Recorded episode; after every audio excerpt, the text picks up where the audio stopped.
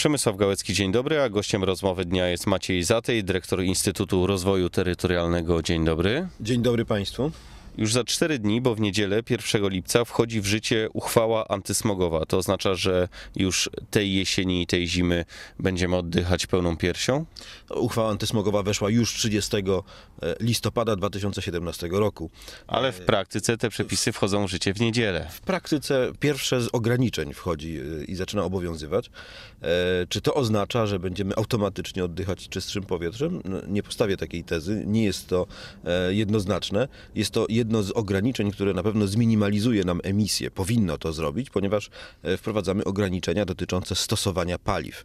I to się dzieje e, zarówno we Wrocławiu, jak i w uzdrowiskach, jak i w pozostałej części e, województwa dolnośląskiego. Nie stosujemy zatem mułów, fl- flotokoncentratów, pokruszonego węgla, czyli e, miałów węglowych. Mówimy o, tutaj o węglu o ziarnistości poniżej 3 mm e, w takim stanie luźnym. A więc tych materiałów, które e, powodują wysoką emisję, może inaczej, dużą emisję zanieczyszczeń.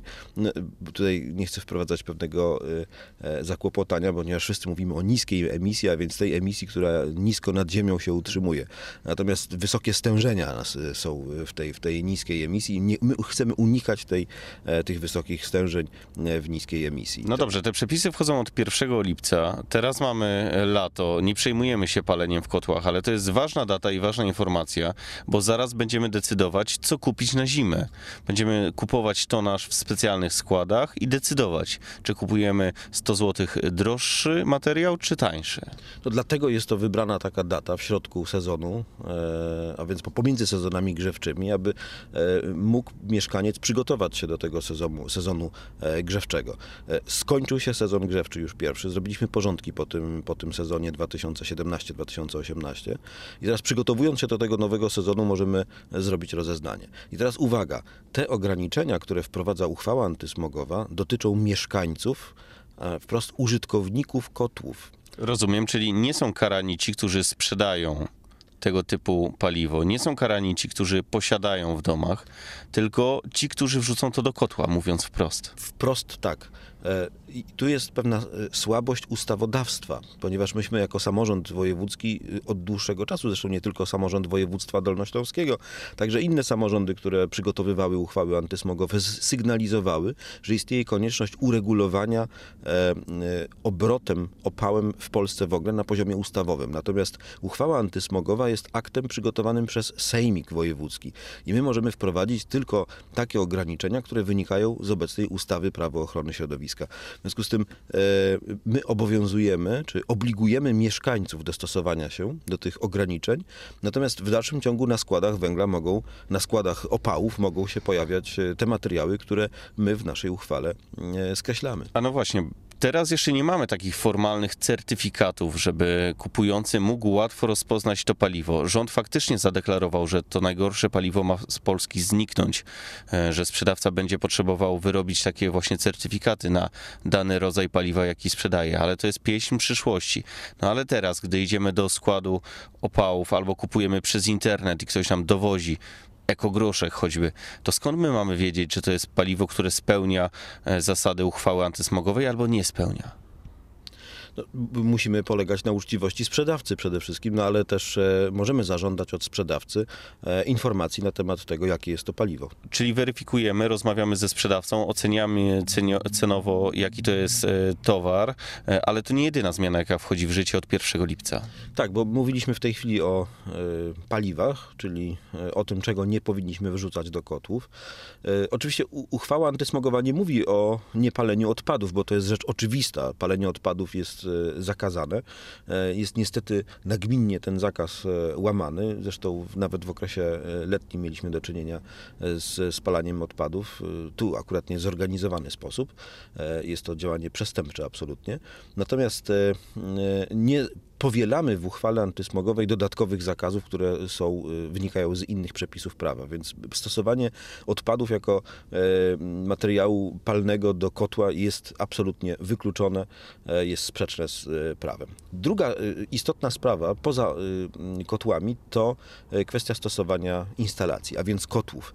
I od 1 lipca wprowadzamy ograniczenia. Na terenie Wrocławia Kierunek jest taki, aby w ogóle zrezygnować z paliw stałych e, i docelowo po roku 2028 miasto było wolne od e, paliw stałych, a więc też tej przyczyny głównej największych zanieczyszczeń pyłowych i e, zanieczyszczeń węglowodorami aromatycznymi. Na terenie województwa dolnośląskiego, poza Wrocławiem i poza uzdrowiskami, nie będzie tak rygorystycznego zakazu. E, Po roku 2028 będzie można stosować paliwa stałe. E, Również w niektórych uzdrowiskach w Czerniawie, Zdrój, Świeradowie, Przerzeczynie i Długopolu. W pozostałych uzdrowiskach e, to ograniczenie po roku 2020. To będą takie zasady wrocławskie wtedy. No i faktycznie od 1 lipca teraz także duża zmiana. Nie montujemy kopciuchów, nie montujemy tych pieców, które są najniższej kategorii, które powodują, że jakość spalania paliw jest najniższa. Tak jest. I właśnie właśnie to jest konsekwencją wprowadzania tych ograniczeń i ewolucyjnie, stopniowo mamy dojść do e, wyeliminowania kotłów na paliwa stałe we Wrocławiu, a więc po roku 2028 w ogóle takich nie powinno być. No dobrze, ale jeśli ktoś dostał pozwolenie na budowę e, pół roku temu i właśnie teraz rozpoczyna budowę albo montaż pieca i on zgodnie z tymi przepisami ówczesnymi otrzymał wszelkie pozwolenia, to on teraz musi zmienić rodzaj e, pieca, jakim zamierzał ogrzewać ten nowy dom, który jest w trakcie budowy? No właśnie nie, bo jeżeli y, pozwolenie na budowę uprawomocniło się przed 1 lipca 2018 roku, to oczywiście, że może zrealizować e, tą inwestycję budowlaną zgodnie z wcześniejszymi zamierzeniami. Nie możemy działać wbrew obywatelom, e, musimy pójść na rękę tym inwestorom, którzy już przygotowali się do inwestycji, którzy dawno temu e, e, rozwiązali, e, czy przygotowali sobie na podstawie wówczas istniejącego prawa i reguł przygotowali tą całą inwestycję. W związku z tym, jeżeli ktoś pozyskał takie mm, e, pozwolenie na budowę przed 1 lipca 2018 roku, to oczywiście będzie mógł zastosować e, kocioł na paliwo stałe, ale wówczas ten kocioł e, zamieni za kilkanaście lat, za około 15 lat pozwalamy na funkcjonowanie jeszcze takiego kotła. E, W przypadku Wrocławia oczywiście to powinno się wydarzyć do roku 2028, a więc aby wygasić już te y, kotły e, i żeby można było potem mówić już o czystym powietrzu we Wrocławiu. Dobrze, panie dyrektorze, ale to są zakazy. Oczywiście liczymy na to, że dolnoślązacy po prostu dbając o własne zdrowie będą przestrzegać tych nowych przepisów. Dość powiedzieć, że według ekspertów 3000 osób na Dolnym Śląsku każdego roku umiera w konsekwencji tego, jak złe mamy tutaj powietrze. I to powinien być wystarczający argument, żebyśmy zrezygnowali ze złej jakości opału, ale Ważna także, ważne także jest egzekwowanie prawa. Kto będzie egzekwował to nowe prawo? Bo prawo e, dotyczy całego województwa, ale to gminy za to odpowiadają. Tak, oczywiście, służby gminne, są, są, są to straże gminne czy straże miejskie, które są upoważnione do e, prowadzenia kontroli, a kontrole mogą przeprowadzić na podstawie zgłoszenia przez mieszkańców. Mieszkańcy sami mogą interweniować w, tej, w, tym, e, w tym względzie. I jak gminy tutaj na to się zapatrują? To znaczy, Państwo macie informację, że gminy traktują to poważnie i z całą pewnością będą weryfikowały, e, czy to nowe prawo jest sprawdzane. No bo nie ma nic gorszego niż śmieszność prawa, prawo, które nie działa. Absolutnie mamy sygnały mówiące o powadze sytuacji. Gminy są do tego przygotowane, czy przygotowują się. Nie mamy informacji o wszystkich gminach, ale te gminy, które, e, z którymi kontaktujemy się, które też są e, uczestnikami prac w zespole do spraw jakości powietrza i efektywności energetycznej w województwie dolnośląskim, bardzo poważnie do tego tematu podchodzą. Sygnalizują oczywiście też niedoskonałości po stronie prawa ogólnopolskiego. To się musi jeszcze zmienić, tak aby można było upoważnić urzędników gminnych, urzędników samorządowych do e, całego spektrum e, działań związanych z e, stosowaniem się do uchwał antysmogowych. Jesteśmy pełni nadziei, ale ja włożę łyżkę dziegciu do tej beczki z miodem. Mieliśmy programy ochrony powietrza, jakości powietrza, które były przyjmowane przez Sejmik w 10 roku, w 14 roku. Teraz weszła w życie uchwała antysmogowa, czyli te pierwsze dokumenty no, nie do końca wystarczały. No, niestety to jest też kwestia egzekwowania tego prawa i polityki, która jest y, w Polsce w ogóle, bo my nie mamy problemu w jednym województwie czy w drugim województwie, tylko mamy na terytorium całego kraju ten problem, stąd też i skarga e, Komisji Europejskiej e, i wynikające z tego wyroki w kontekście Polski i zanieczyszczeń utrzymujących się długotrwale.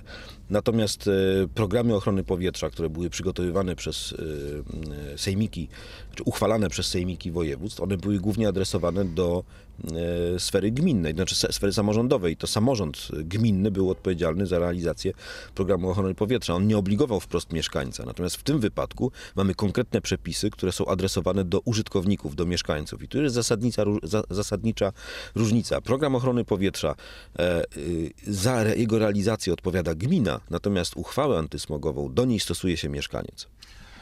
Mamy jeszcze jeden problem, tak zwane wykluczenie energetyczne, czyli po prostu nie wszystkich stać, żeby opłacać e, ogrzewanie naszego domu e, gazem czy ciepłem e, z sieci, nie mówiąc już o prądzie, i dlatego właśnie używają tych słabej jakości paliw. Tutaj pomoc gmin jest niezbędna. No to jest taki stereotyp, który jako, jako argument wykorzystuje się w dyskusji na temat stosowania tych tanich paliw. Oczywiście jest pewna grupa społeczna, która jest wykluczona, ale gdyby przyjąć normy brytyjskie w Polsce, okazałoby się, że 40% gospodarstw domowych w Polsce e, wydaje w ciągu roku powyżej 10% e, swojego e, Domowego budżetu. na, na kwestie energetyczne, a więc stosując to kryterium można byłoby powiedzieć, że 40% e, gospodarstw domowych w Polsce jest objętych ubóstwem energetycznym, co nie jest prawdą w tym kontekście, ponieważ mamy inne uwarunkowania klimatyczne, inne potrzeby, inaczej funkcjonujemy. To jest proces ewolucji. My musimy się do tego przygotować i przestawić, ponieważ świat też idzie w zupełnie innym kierunku i mamy zupełnie nowe wyzwania cywilizacyjne. E, y, 200 lat temu, kiedy węgiel był stosowany powszechnie i nagminnie i on dopiero wchodził jako to główne e, paliwo energetyczne, zupełnie były inne uwarunkowania środowiskowe. W międzyczasie zmieniły się nasze miasta, zmieniły się nasze przyzwyczajenia, e, struktura w przestrzeni, ale także i liczba ludności na świecie. W związku z tym musimy szanować to środowisko, w którym funkcjonujemy, bo my od niego zależymy. I to jest ta, ta, ta kluczowa przesłanka, która nakazuje nam działanie właśnie. Maciej Zatej, dyrektor Instytutu Rozwoju Terytorialnego, był gościem rozmowy dnia. Dziękuję. Dziękuję uprzejmie. Przemysław Gałecki, miłego dnia.